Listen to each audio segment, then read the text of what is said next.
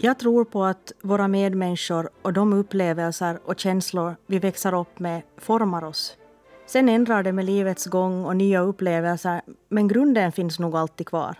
Och allt hamnar på sätt eller annat in i livets ryggsäck. En ryggsäck som kan tynga ner oss eller bära upp oss. Idag kommer du att tillsammans med mig få titta in i just min ryggsäck. Jag hoppas att du får en trevlig och givande stund. Jeanette Pajunen är jag och jag är idag din sommarpratare. Musiken som du kommer att få lyssna till är musik som har en känslomässig betydelse för mig. Musiken hör på sätt eller annat samman med det som jag berättar om och ibland kommer du att ha lätt att förstå sambandet och ibland får du som lyssnar bara tänka att det för just mig finns en känslomässig koppling. Du kommer också att få lära känna mig vid ett annat namn. Det namn jag har i familjekretsen, där jag kallas Lotta. Därutöver så kommer du också att få höra lite riktig eknesiska. De äldre i släkten har alltid haft en framträdande roll i mitt liv. Jag har haft den enorma förmånen att få ha de flesta av dem med i livet länge. Farmor dog när hon var 96 år och farfar när han var exakt 25 dagar fått från sin 100-årsdag. Men jag ska ändå börja med att berätta lite om hur mommo gav mig förutsättningarna för att ta mig fram i livet på ett bra sätt. Min mommo var en väldigt viktig person för mig långt in i livet och ännu idag, fast hon redan varit borta i många, många år, så finns hon med på många olika sätt. Hon var min trygghet, min fasta punkt i tillvaron och den som jag alltid kunde lita på, vad som än hände. Ännu idag när livet lite svajar och det känns osäkert så hittar jag ofta tröst i sånt som hon sagt eller lärt mig tidigare i livet. Jag kan ännu höra hennes röst och känna hennes lite nariga fingrar som kramar min hand. Jag trivdes aldrig som liten i sammanhang med många människor. Då kände jag mig alltid vilsen och borttappad. Dagis var en sån plats. En plats jag tyckte illa om. En plats förknippad med retfulla dagiskompisar och väldigt stränga dagistanter. Ett ställe jag minns med avsky, upplevelser av hur det känns när man inte passar in, vad man än gör. En känsla av att inte bli accepterad och inte förstådd eller sedd. Upplevelser som hamnar på botten av ryggsäcken. Det här går nog inte an, ansåg min mommo, och så fick det bli. Dagisperioden blev kort och istället vidtog en underbar tid hos henne på dagarna medan mamma och pappa var på jobb. Vi gjorde allt tillsammans, faktiskt allt. Och genom henne föddes mitt intresse för matlagning och min förståelse för hur det känns att vara uppskattad och accepterad för just den man är just då. Mommo älskar solen och på Knipanstranden i Ekenäs fick jag täcka in henne med sand. Det var barndomens dagar på stranden när vattnet var varmt och solen alltid sken.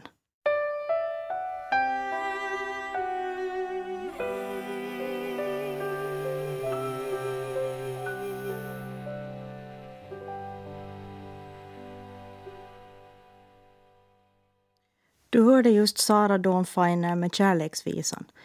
Jag gillar hennes musik. Den är så känsloladdad och går ända in under skinnet. Hos mormor Rut var det alltid full rulle då det drog ihop sig till mattider. Och jag kan inte förstå hur hon orkar kocka för alla och en var. Mommos syster arbetade i Ekenäs och kom varje dag för att äta lunch med oss. Och en hel del av min morbrors kompisar åt också regelbundet hos mommo och de visade sin omtanke och tacksamhet gentemot henne genom att använda uttryck som Ruti, vad skulle jag göra utan dig? Ruti kom hit så ska jag hålla om dig lite. Jag minns så bra en händelse när en av de här unga herrarna hade flyttat till Sverige och han vantrivdes så förskräckligt. Han ringde regelbundet till mommo och en av de här gångerna så var det jag som svarade i telefonen. Hon var upptagen med matlagning som vanligt och han frågade vad hon lagar för mat. Jag vill minnas att det var rotmos och fläsksås och det var det svar jag gav honom. Jag hörde hur han föreställde sig doften av maten och smakerna och hur han djupt suckade. Mor Rutis mat. Ingenting slår den. Och mommo fnös när jag överlämnade hans hälsning och sa Tokoda Han skulle rust hem sig nu bara hela pojken. Jag satt alltid på en pall utanför köket och mommo stod vid spisen. Och radion var nästan alltid på. Och väldigt ofta sjöng vi tillsammans. Ingen av oss kunde egentligen sjunga. Men vi sjöng ändå. Och ibland bjöd hon också upp till dans. Får jag lov Lotta, sa hon, till en dans kind i kind. När det ibland spelas Änglahund av Hasse Alfredsson i radion så börjar jag automatiskt sjunga med. Det var vår sång och vi sjöng av hjärtats lust tillsammans. Som sagt, vi gjorde allt tillsammans.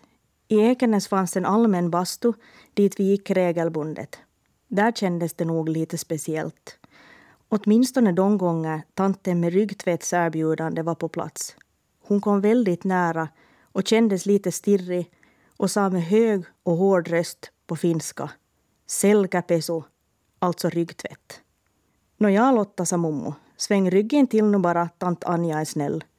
Och så fick det bli ryggtvätt.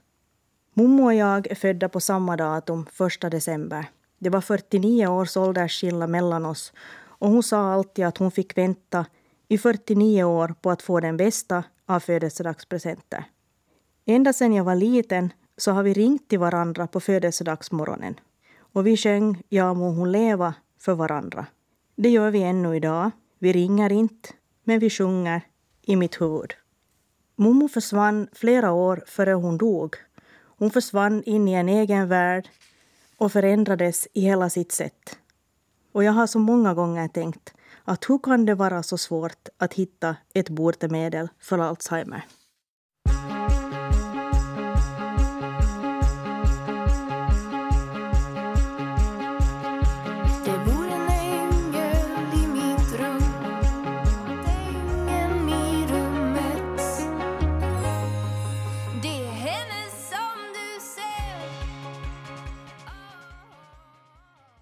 Ängeln i rummet skriven av Eva Dagren känns lätt lite uttjatad men jag tycker att den blir modern och lite tuffare genom Lales version som vi just lyssnade till.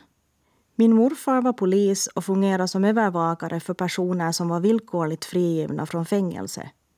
Och en och annan väldigt lustig prick knackade på och satte sig ner i soffan med morfar. Han var alltid tillgänglig för dem och fungerade säkert också långt som en stödperson. Och många, många år senare tänkte jag att han nog öppna någon sorts dörr för mig där jag fått känna på människors lika värde och att man alltid ska arbeta för dem som inte alltid har det så lätt. De som är lite utstötta i samhället. Morfar var den som alltid skickade mig på alla möjliga uppdrag.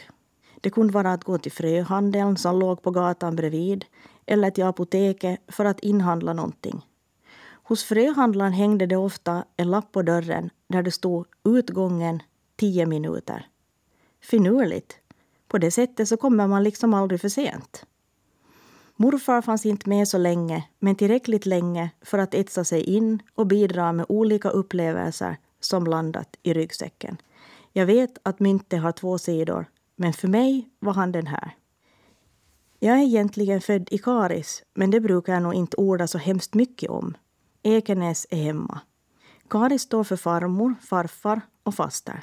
Och de tre bodde under samma tak och jag var väldigt mycket hos dem som barn, men också i vuxen ålder.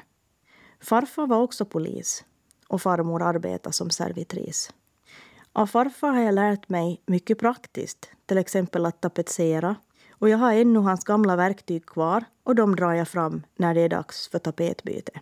Det är roligt att tapetsera. Farfar hade varit med i kriget men det berättade han aldrig någonting om förrän riktigt de sista åren då minne inte längre var lika skarpt och han alltmera gled tillbaka till det förgångna. Farmor var en klippa, den som höll igång allt. Hon hade alltid ett handarbete i famnen, någonting som puttrade på spisen eller någonting på gång i trädgården. Hon satt nog aldrig rakt upp och ner utan att göra någonting. Faster Mille har jag alltid kallat rätt och slätt faster. Faster var sjukskötare och gav alltid en bild av sjukvården som den ideala arbetsmiljön. För henne var nog sjukskötaryrket så nära ett kall det bara kan bli. Hon berättade om sina dagar på jobbet, om tanter och farbröder och fina upplevelser med dem. Hon högaktade vårdyrket på ett beundransvärt sätt. Och hon lärde mig skojiga verser med anknytning till sjukvården. Och vissa kan jag ännu. Till exempel den här. Vill du ha en tjottablängare mellan lysmaskarna så får du åka plingplongtaxi till blåsterkåken. Fast det var lite spännande.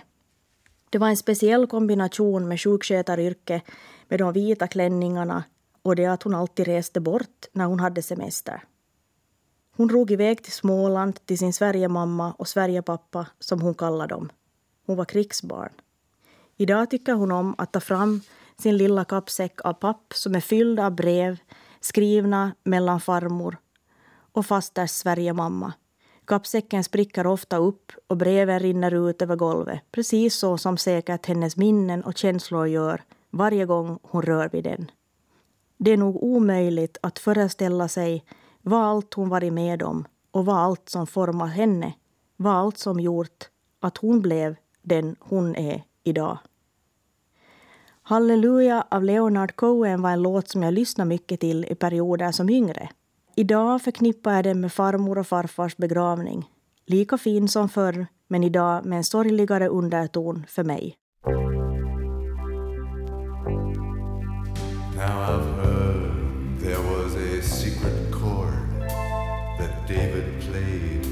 And please the Lord.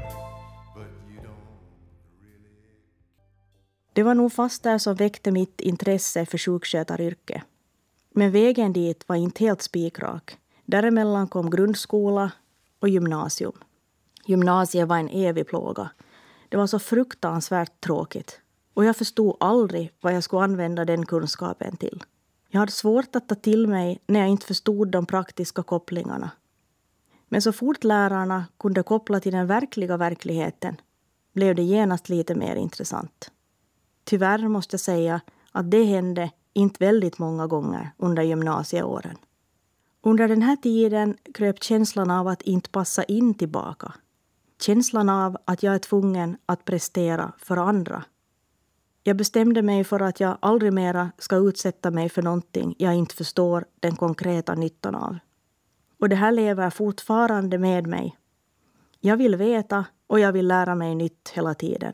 Jag frågar och ifrågasätter när jag inte fullt ut förstår i syfte att faktiskt förstå och genom det lära mig. I det dagliga arbetet hjälper det här mig att fatta rätta beslut och ibland kan det uppfattas som att jag lägger mig i. Men jag brukar tänka som så att den som känner mig vet nog bättre än så. Jag är så glad över att våra barn Jens och Nicolina fått lära känna släktens äldre och lärt sig uppskatta tidigare generationer och deras klokskap. Min farfar har gjort ett starkt intryck på Jens och idag har Jens en tatuering som hedrar minne av honom. Men nu är alla borta, utan faster. Faster som jag en gång för väldigt länge sedan i ett skämtsamt samtal lovade att ta hand om på gamla dagar. Lotta, du tar väl hand om gammelfaster sen när det är dags, sa hon. Och det löftet ska jag göra mitt allra bästa för att hålla. För mommo lärde mig i ett tidigt skede att i allmänhet är det så att löften är god men holten är en skit. Så blev det sen ändå till sist sjukskötarutbildning och inom kirurgin ville jag jobba. Lite action behöver jag, men inte för mycket. På den somatiska inriktningen så fanns det ingen plats, men dessvärre på inriktningen för psykiatrisk vård. Och psykiatri var definitivt mitt sista alternativ. Jag lyckades övertalas till att ändå ta emot den här studieplatsen och så fort det bara fanns en möjlighet så skulle jag få byta över till den somatiska linjen. Grundpraktiken inom psykiatrin skulle alla ändå göra och senast efter det så var det dags för mig att byta inriktning. Kom ihåg att alla har en livshistoria, en berättelse, sa Mommo när jag kände mig fundersam inför praktiken som skulle ske på Ekåsens sjukhus. Och jo, alla hade en historia och en berättelse, livsöden som jag genast fascinerades av. Här vill jag jobba, tänkte jag. Här trivs jag. Och så kände jag nästan genast. Så det blev inget byte av linje utan istället blev det utbildningsår som var givande och efter det många år som sjukskötare på Ekåsens sjukhus. Jag arbetade både på rehabiliteringsavdelningar men också på akuta intagningsavdelningar både för geriatriska patienter och vuxna patienter. Barn och ungdomspsykiatrin var ingenting för mig. Det ville jag inte ens prova på. Och inte för allt i världen skulle jag ge bort de här åren och alla patientkontakter. Det var speciellt på ekåsen, som en egen värld. Man arbetade alltid i par. Och på en del avdelningar arbetar man två kvinnor och på en del behövdes det finnas en man i alla arbetspar. Idag kan det här kanske kännas lite förlegat och lätt slänger man väl ur sig att det här känns gammalmodigt och inte så jämställt. Nåja, vilket som. För mig var det tryggt och bra. Och jag hade ingenting emot att jobba på det här sättet. Stina var mentalvårdare och var mitt första arbetspar. Och hon hade många, många års arbetserfarenhet och hade sett psykiatrin på den tiden då medicinerna inte hörde till vardagen. På nattskiften berättade hon om forna tider och om patienter vi fortfarande vårdade som levt nästan hela sitt liv inom mentalvården. För många av patienterna var vården på ekåsen deras liv och personalen var det närmaste en riktig familj de någonsin kom.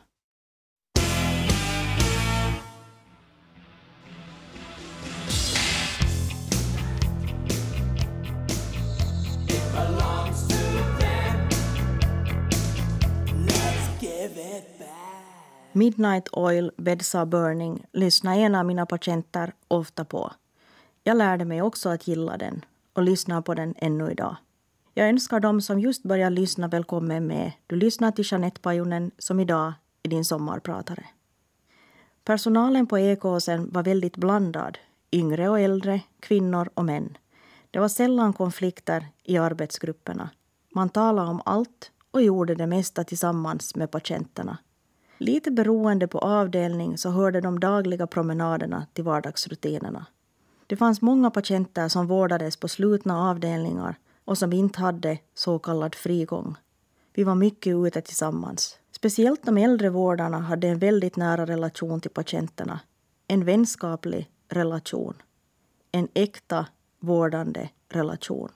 Och jo, visst fanns det undantag vad gäller detta också, som det alltid finns. Personal som kanske inte var lämplig eller mogen sin uppgift.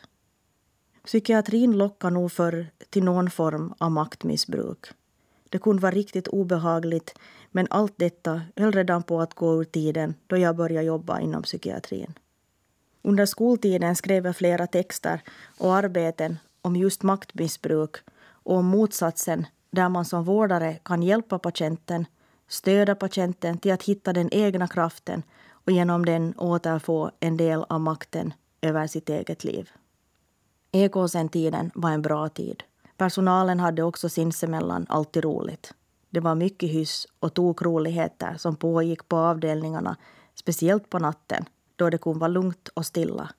De nätter som var såna, och ibland var det så full rulle att man nästan inte visste vad jag hette när det var dags att åka hem. Det var lätt att få vänner bland personalen och några goda vänner blev kvar i mitt liv och hör till den regelbundna umgängeskretsen ännu 14 år efter att jag lämnat psykiatrin för gott. På Ekåsen träffade jag också Timo som arbetar som avdelningsskötare. Vi gifte oss småningom och fick Jens. Timo hade en dotter, Nicolina, kallad Nixo från tidigare, så hon blev också en del av vår familj. Det var spännande på många sätt att vänta barn, men med tanke på den sjukdom jag har så kändes det extra spännande, men också lite skrämmande. Läkaren var nog inte helt förtjust i tanken på en graviditet. Men jag tänkte att det är ändå bättre att belasta kroppen som relativt ung än att vänta och se. Och det gick bra hela vägen och jag fick den son jag alltid drömt om. Ganska tidigt i livet bidrog Jens till många skratt och han bär vidare släktens sinne för situationshumor. En förmåga som faktiskt inte är alla förunnade. Humorn var alltid nära på ekåsen, både med patienterna och i personalgruppen. Det var ett sätt att jobba på. Det fanns inte så många arbetsredskap inom psykiatrin. Man var tvungen att jobba via sin egen personlighet. Bli varse om vad man kände och upplevde. Speciellt om man inte hade en terapiutbildning. På en långvårdsavdelning blev jag egenvårdare åt en patient som inte alltid var så pigg på att ta sina mediciner. Han var väldigt sympatisk, men hade inte speciellt stor sjukdomsmedvetenhet. Nå, i varje fall så kände jag väldigt starkt för den här patienten och jag ville verkligen hjälpa honom. Jag ville finnas till för honom och jag ville framför allt tro på honom. Han behövde någon som trodde på just honom. Patienten blev trött och orkeslös och mina dagar på jobbet gick ut på att försöka få honom upp ur sängen. Hygien och näringsintag var väldigt jobbigt för honom. Mitt engagemang i honom var djupt och intensivt. Och övrig personal på avdelningen började misstänka att allt nog inte stod rätt till med honom. Han tar nog inte sina mediciner, sa de. Men jag visste bättre. Han tog visst sina mediciner. Jag försvarade honom och jag var så fruktansvärt trött. Efter jobbet behövde jag vila och faktiskt också de flesta dagar riktigt sova och jag orkade ingenting. Jag blev hans hjälpjag. Det uppstod en sorts överföring av hans känslomässiga tillstånd på mig. Inte helt ovanligt inom psykiatrisk vård, men för mig som nybakad sjukskötare blev det här en starkt omvälvande händelse. Och bubblan sprack då det kom fram att han medicinfuska och plötsligt så kunde jag se hur allt hörde ihop. Så oerhört fascinerande att jag kunde använda mitt eget jag fullt ut som ett arbetsredskap och samtidigt väldigt skrämmande.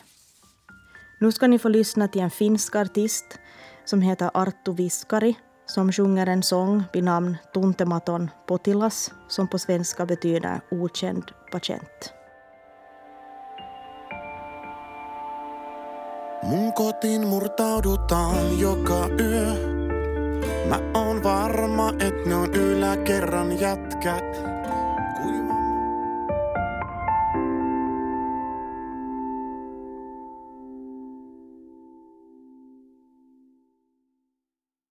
Vården ändrades och som svampar ur jorden kom vårdhemmen. Patienterna flyttade ut från sjukhuset för att helt plötsligt, efter många, många år på ett mentalsjukhus, pröva sina egna vingar. Det var på gott och ont och långt ifrån alla vårdhem var bra. Det gick lite business i det här och då smyger sig alltid en och annan oseriös in. Det kändes ibland sorgligt att följa patienterna ut i världen. På något sätt var vi del av samma familj. Småningom så väcktes mitt intresse för fortsatta studier och jag hoppade på olika kurser vid den öppna högskolan. Jag förstod nu vad jag behövde mera kunskap till och jag ville framåt. Jag visste vad jag ville bli. Jag ville bli magister i hälsovetenskaper. Jag behövde få veta mera. Åbo Akademi i Vasa och studier där blev nästa på programmet. Jag var mycket borta hemifrån. Väldigt mycket. För mycket. Jag studerade med rasande takt och jag var den som höll taktpinnen för de flesta studiekompisar. Jag vill att det ska gå undan. Gör man någonting så gör man det fullt ut och då gör man det också med full fart. Jag arbetade i tre skift på Ekåsen och det var en perfekt kombination med tanke på studierna. Vi jobbade alltid tre eller fyra nätter i sträck och efter det hade vi lika många dagar ledigt plus den första så kallade sovdagen. Och sova, det kan man göra i tåg eller på bussar. Ja, nästan var som helst kunde jag sova när det så behövdes. Till och med på parkbänkar i Vasa. När ledigheterna från jobbet tog vid så åkte jag ofta till Vasa med mina studiekamrater för närstudiedagar där. Och några enstaka gånger klarade vi oss med att resa till Helsingfors. Nu och då ser jag skrivna ord om jämställda män. Jag vet faktiskt inte om jag själv skulle använda just det ordet men jag kan bara säga att utan att Timo skulle ha ställt upp till 110 procent så skulle det nog för mig inte ha blivit varken studier eller de arbeten som jag nu med facit på hand kan säga att jag haft. De arbeten jag haft och har idag kräver att man hjälps åt och kräver att den andra klarar av att sträcka sig mer än de flesta är villiga till. Det har nog inte alltid varit en dans på rosor för min familj. Och ännu idag retar de mig ibland för tokiga saker som jag gjort när jag varit stressad. När jag är stressad så kopplar jag bort det mesta utom jobbet. Och då kan jag glömma saker. Jag kan till exempel glömma att stanna vid skolan och istället köra iväg till jobbet. Alla tankar är på jobbet. Och väl framme vid mitt arbete så jag haft någon bredvid mig som lite halvsurt sagt Mamma, nu glömde du mig igen. Det har faktiskt till och med hänt en gång att jag glömt att hämta mannen. Det är så som det blir när man tänker för mycket på sitt arbete.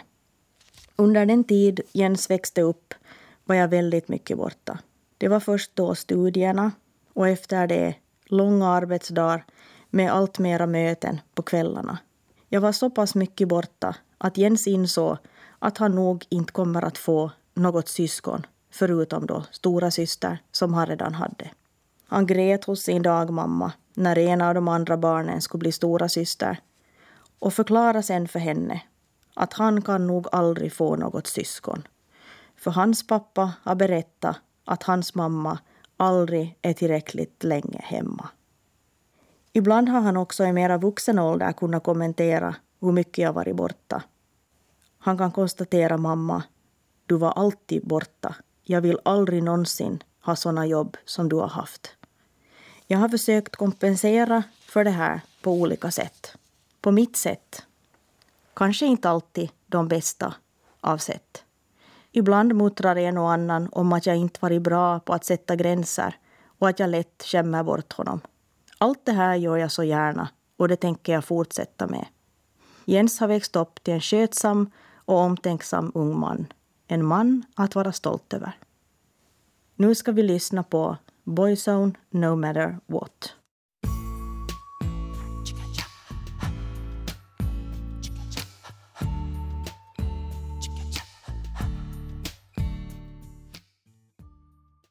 Den här var för dig Jens, No matter what.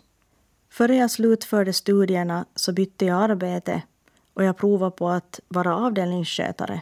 Det här var på stadens bäddavdelning. Under den här tiden så slutförde jag studierna till magister i hälsovetenskaper och jag tackade ekosen genom den prograduavhandling jag skrev. Jag skrev en idéhistorisk studie vid namn Där levde liv, där levde livet. Äldre vårdpersonal berättade om deras upplevelser under en tidsperiod på Ekåsens sjukhus. De berättade om sin vänskap till patienterna och de berättade om hur de tog med sig patienterna hem, hur de vistades i deras trädgårdar och hur patienterna faktiskt var en del av vårdarnas liv och tvärtom. Som avdelningssköterska så förändrades jobbet. Patientarbete blev plötsligt skrivbordsarbete. Och det var otroligt mycket pussel och pyssel med att få arbetslistorna att gå ihop och avdelningen utvecklades på kort tid från en långvårdsavdelning till en kortvårdsbäddavdelning. Och nu märkte jag för första gången hur otroligt svårt förändringsarbete är. Men jag märkte också hur mycket man kan förändra på kort tid om man gör saker på rätt sätt. Och hur man ännu snabbare kan förstöra om man inte gör saker rätt. Det här var mitt första försök att vara ledare. När jag ser tillbaka på den här tiden så var jag nog ingen ledare.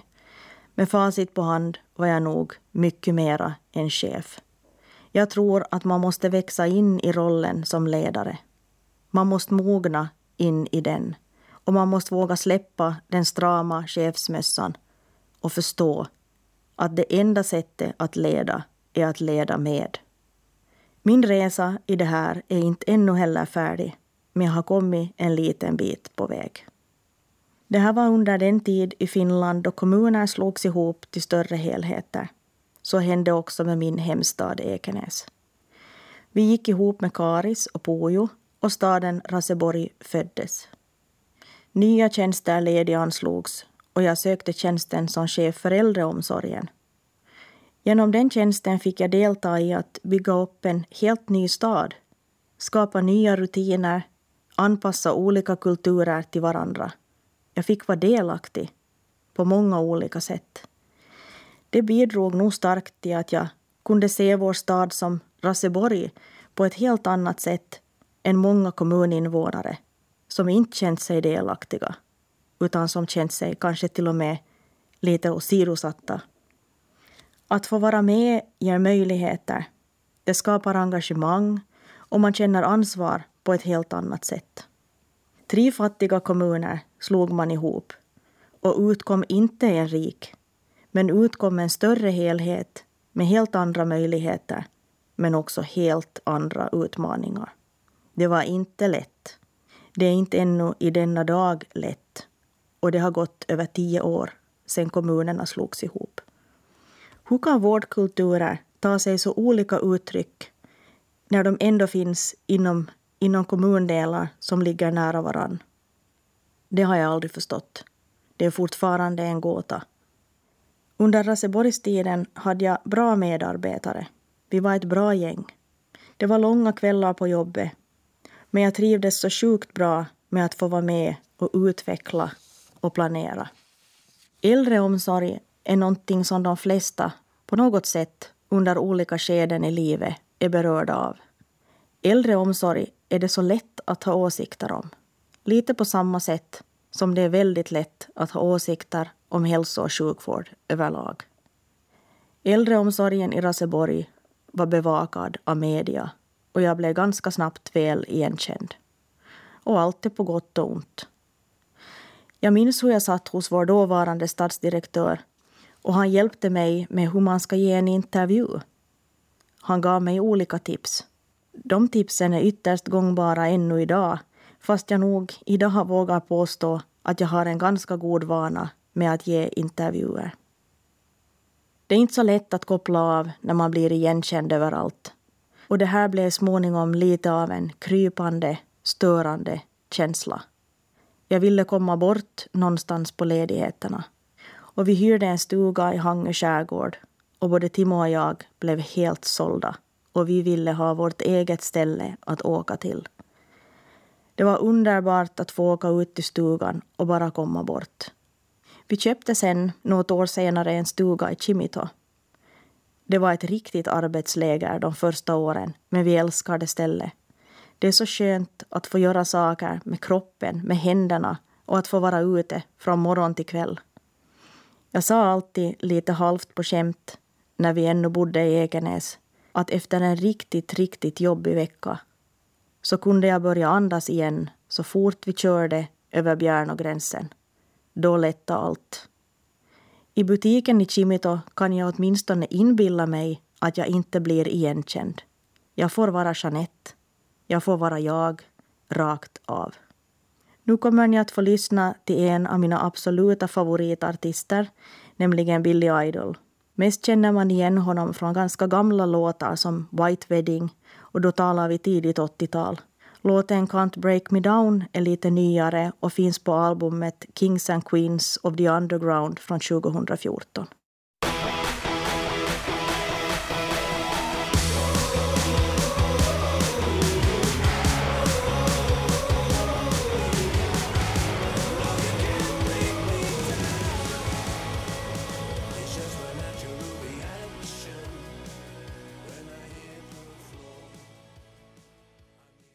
Välkommen med!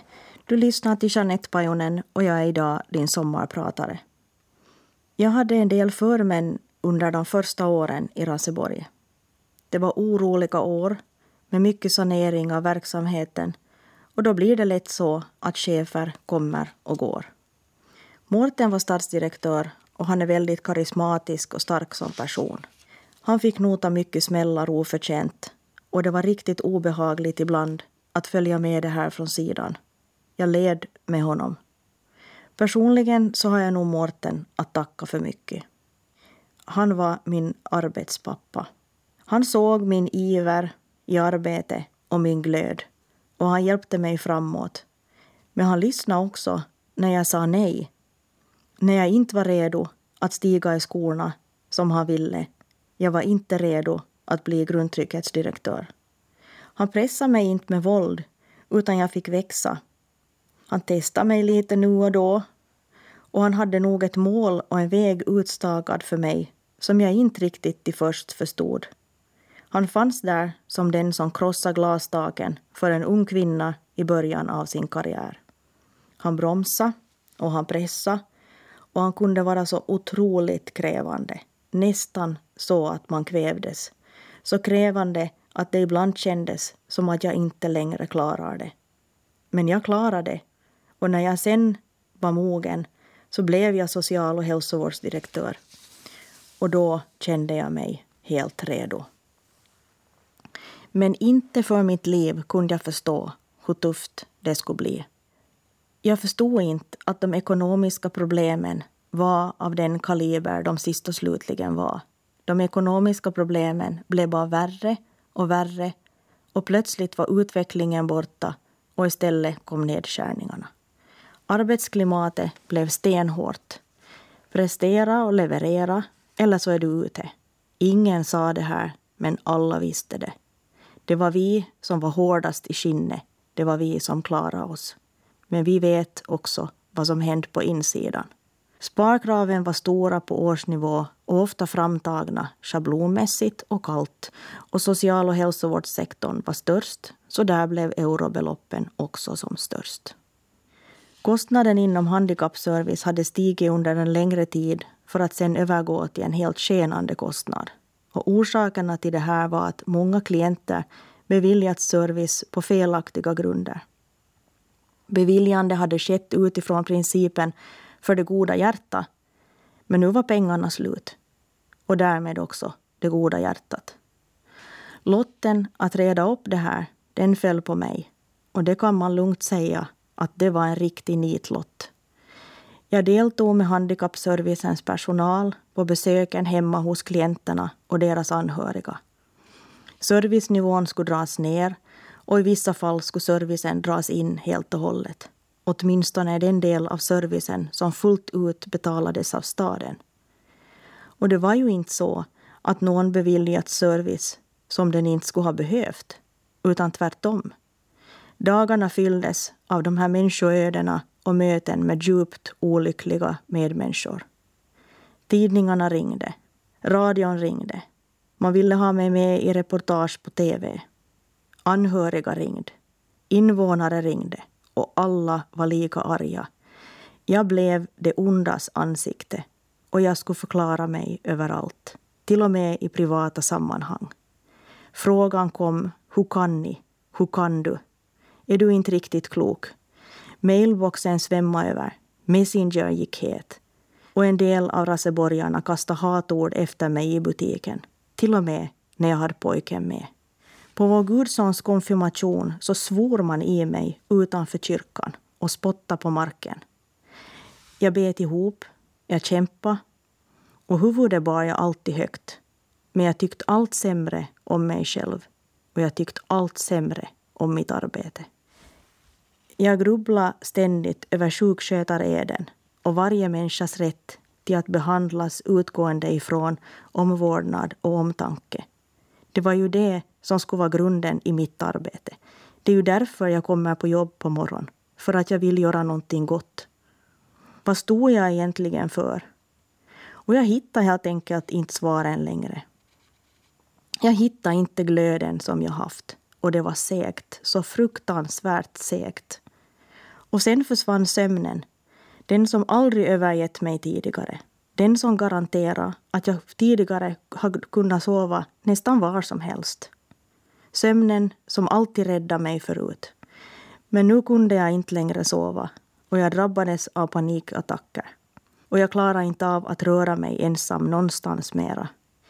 Jag som alla tyckt att hade varit så stark, som klarade allt och som var så hård i skinnet. Jag blev sjuk och jag ville bara vara i fred. I won't just survive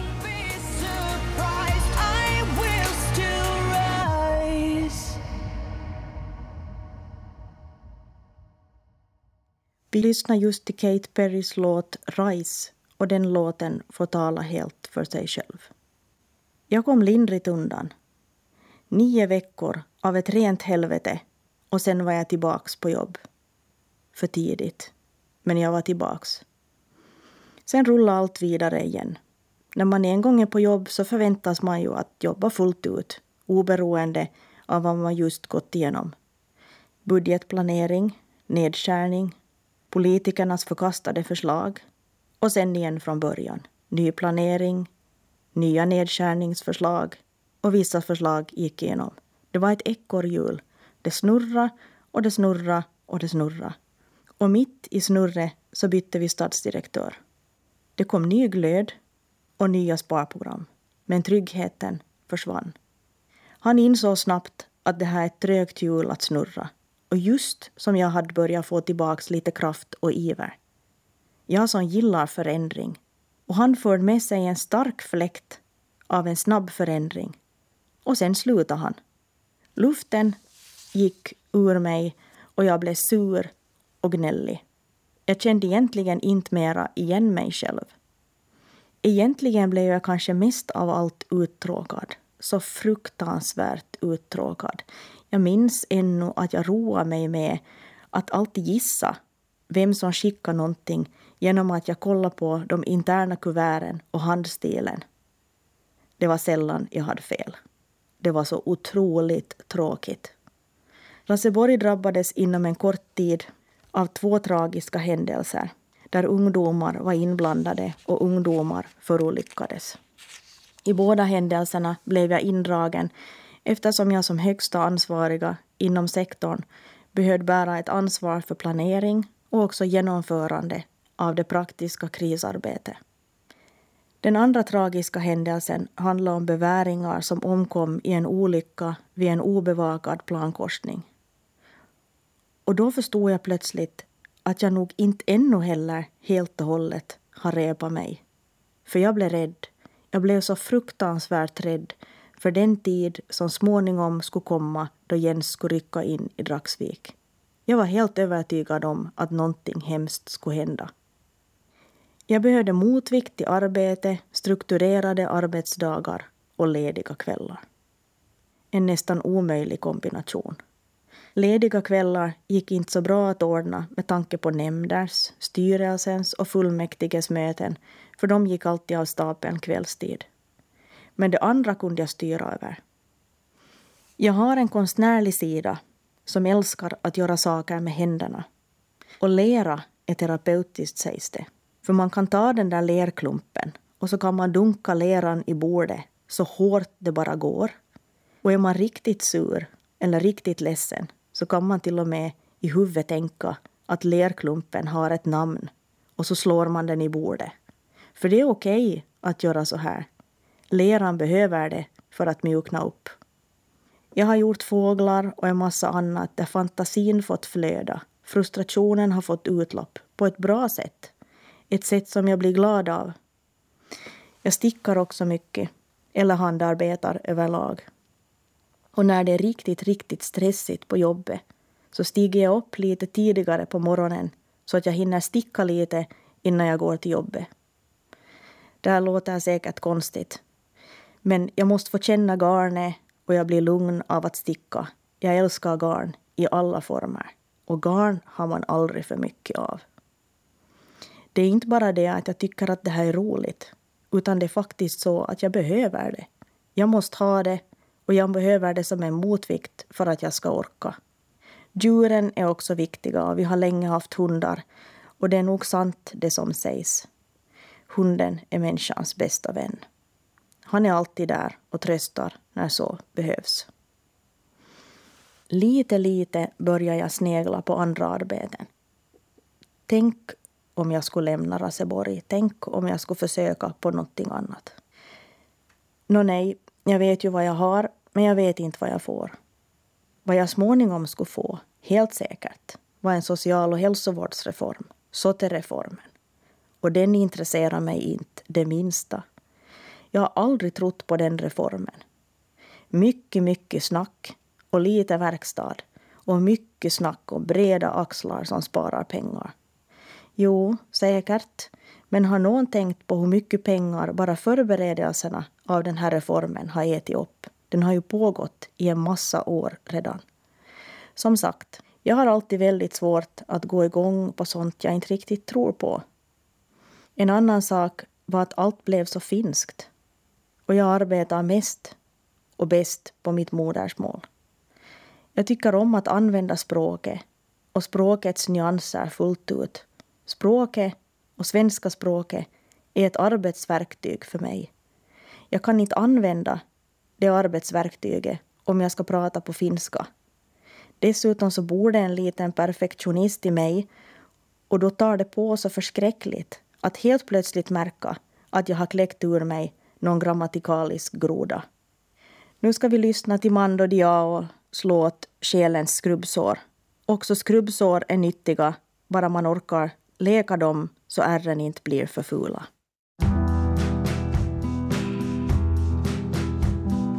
Själens skrubbsår bränner i natten Livets vandring har satt sina spår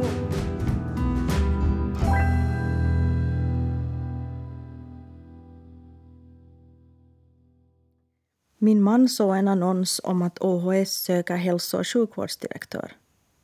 Jo, jo, sa jag säkert bra. Men Åland? Jag är ingen pendlare. Hemmet är viktigt för mig. Där samlar jag kraft. Men lite, lite blev det kvar och gro. Och någon dag senare blev jag uppringd av ett rekryteringsföretag.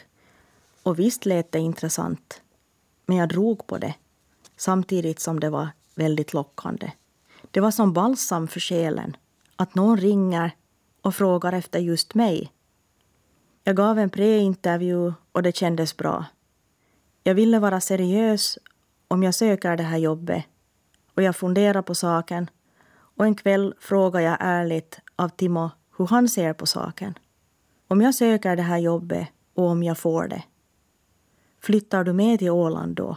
Klart det, var svaret han gav genast utan att egentligen ens behöva fundera. Och Jens hejade på och tyckte mamma skulle vara lite modig. Men huset då? Som just var färdigt renoverad. Och Jens, var skulle han bo? För han deklarerade högt och ljudligt att han kommer inte att flytta till Åland. Och sommarställe då? Det var många frågor som behövde få svar. Och de behövde få svar snabbt. Så gick det. Jag sökte det här jobbet och jag fick det. Och jag förstod att jag kommer att gå i mål som segrare samma dag som Rasseborg hade julfest. Plötsligt stod jag där när det gick upp ett ljus. Att det mesta i mitt liv faktiskt kommer att förändras och jag har ingen aning om hur det kommer att gå. Jag fick panik. Det var dags att åka hem från den julfesten. Det gick fort över och när beslutet var fattat formellt så hade vi tänkt ut lösningar på det mesta. Jag sa upp mig från mitt jobb och Timo lämnade in en hel del arbetsansökningar här på Åland. Han fick genast napp. Huset la vi ut till försäljning och det blev sålt på några veckor. Vi hyrde en lägenhet till Jens och vi packade och vi packade och vi packade. Och ibland låg jag vaken på nätterna och undrade över om jag faktiskt är riktigt klok. Varför skulle jag vilja bo på Åland? Vad visste jag om Åland? Ingenting. Pommern och Kastelholms slott. Och det kommer man faktiskt inte så långt med. Jag var på väg att slita upp allt för ett jobb. Men arbete och arbetstrivsel betyder så otroligt mycket för att man ska må bra. Till Åland kom vi våren 2018 och allt var nytt. Våren är nog den bästa tiden att flytta, när det blir ljusare och naturen blir vacker och det finns så många små kaféer som vi upptäckte runt om på Åland. Utfärder var vi på alla helger. Det var helt ljuvligt. Så pass att mamma plötsligt frågade om köket inte ingick i hyran med tanke på alla bilder på olika matställen jag la upp på Facebook. OHS som organisation kändes genast bra. Det var mycket nytt att lära sig och det trivs jag ju med. I arbetssammanhangen var verkligen alla nya. Och då krävs det väldigt mycket energi för att skapa nya kontakter och jobba för att bli en i teamet.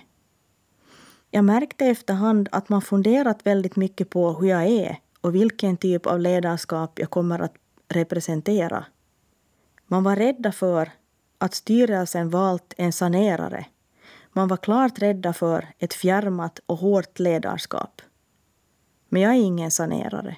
Jag vill utveckla, men jag känner också väl till de regelverk som gäller i en organisation som leds politiskt. Utveckling kan ske, men det måste ske inom befintliga ramar. OHS behövde få veta vem jag är och vad jag står för. Och jag behövde bli lite mera personlig och öppna mig lite mera för att det här skulle lyckas. Kommunikation är den enda nyckel som finns. Det går aldrig att vara alla till lags och man accepteras aldrig av alla och man gillas faktiskt aldrig av alla. Så är det och så tycker jag också att det ska vara. Men jag behövde komma närmare vården. Att ha arbetsrummet i förvaltningsbyggnaden kändes allt mera besvärligt. Ja, det kändes faktiskt rent pinsamt. Jag och flera andra från ledningsgruppen flyttade in i sjukhusets huvudbyggnad. Mycket bättre. Det ska vara lätt att komma förbi med sina ärenden. Tillgänglighet är väldigt viktigt, också internt. Småningom kändes det som att jag lyckats skapa någon typ av kontakt med de flesta förmän på olika nivåer. Det var en bra början. Jobbet på OHS innehöll inga kvällsmöten och plötsligt hade jag mycket mera fritid. Dessutom är jag mycket bättre nu för tiden på att gå hem från jobbet. Jag tror faktiskt inte att man blir så väldigt mycket bättre och effektivare med att dra ut allt på långa kvällar. Man ska istället satsa på att lära sig att vara snabb och effektiv och att behärska tidsanvändningen. Det är faktiskt inte lätt, men man ska jobba för att det ska lyckas i normalförhållanden. Sen kom pandemin, som en mardröm som vi behövde bli väckta ur. Väck oss när tiden gått och allt detta märkliga, kusliga och skrämmande är över.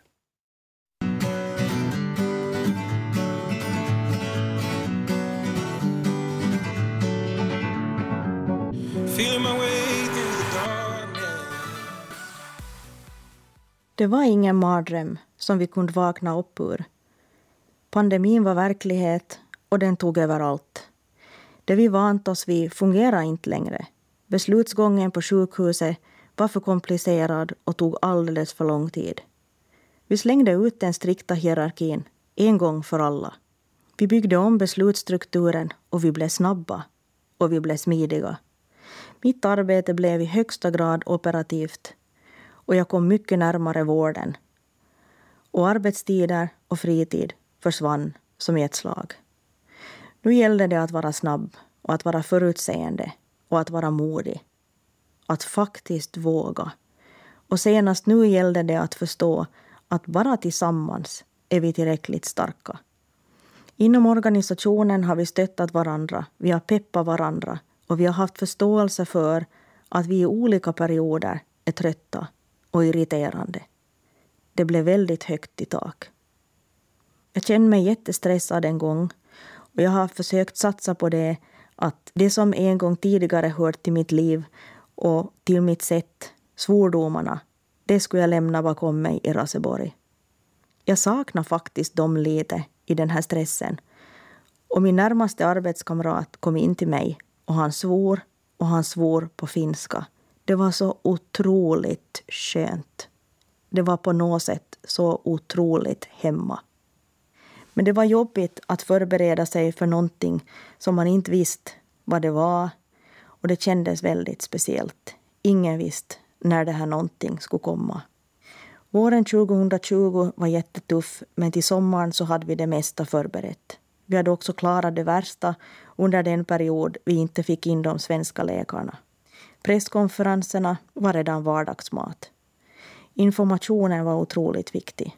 Samspelet med media var väldigt bra. Alla har samma mål och då fungerar det. Kontakten till politikerna var också bra. Men det kändes hela tiden osäkert runt om i världen och också på Åland. Hålls det lugnt nu över sommaren? Kan alla få hålla sin semester? Och nu var det så underbart att kunna få åka till Chimito och att bli den där Jeanette som just ingen känner. Men jag gick på tå och jag hade svårt att slappna av. Sommaren blev sen ändå lugn. Våra utmaningar här, med många fall och utmanande och påfrestande smittspårningar tog fart på hösten och det kom toppar kring jul och nu igen under vårvintern. Och lite hopplöshetskänsla smög sig in under hösten. Ska det här faktiskt aldrig ta slut? Och allt efterhand har också relationerna satts på prov. Alla hanterar stress på olika sätt. Och man måste orka förstå att vi är olika, att vi reagerar olika och att vi inte alla har likadan stressdålighet. Min egen stressdålighet har också satts på prov. Och det som funnits i ryggsäcken från förr har visat sig att det har varit till stor nytta. Allt från känslor och upplevelser till helt konkreta situationer som jag på något plan varit med om förut. Pandemin i sig är hemsk och vi får verkligen vara tacksamma för att vi här på Åland hittills klarat oss lindrigt undan. I nöden prövas man och i nöden kommer man närmare varann. På något sätt har pandemin förenat delar av OHS. Och igen en gång har det stigit fram hur otroligt viktigt det är med goda relationer, med delaktighet, med information och framför allt kommunikation. Kommer det någonsin att bli som förut? Knappast. Men en sak är säker. Allas våra ryggsäckar har fått en hel del mera innehåll och igen en gång står vi bättre rustade inför framtiden. Oj så många olika berättelser det kommer att finnas i framtiden att tråka ut barnbarnen med. Relationer är viktiga och just därför vill jag som avslutning på mitt sommarprat bjuda på en låt av gruppen Bad Taste. Låten heter Four Seasons och det är mina kusiner Stefan och Mattias Nordström som skrivit musik och ord till den här låten. Jag heter Jeanette Pajonen och jag har idag varit din sommarpratare. Tack för att du lyssnat.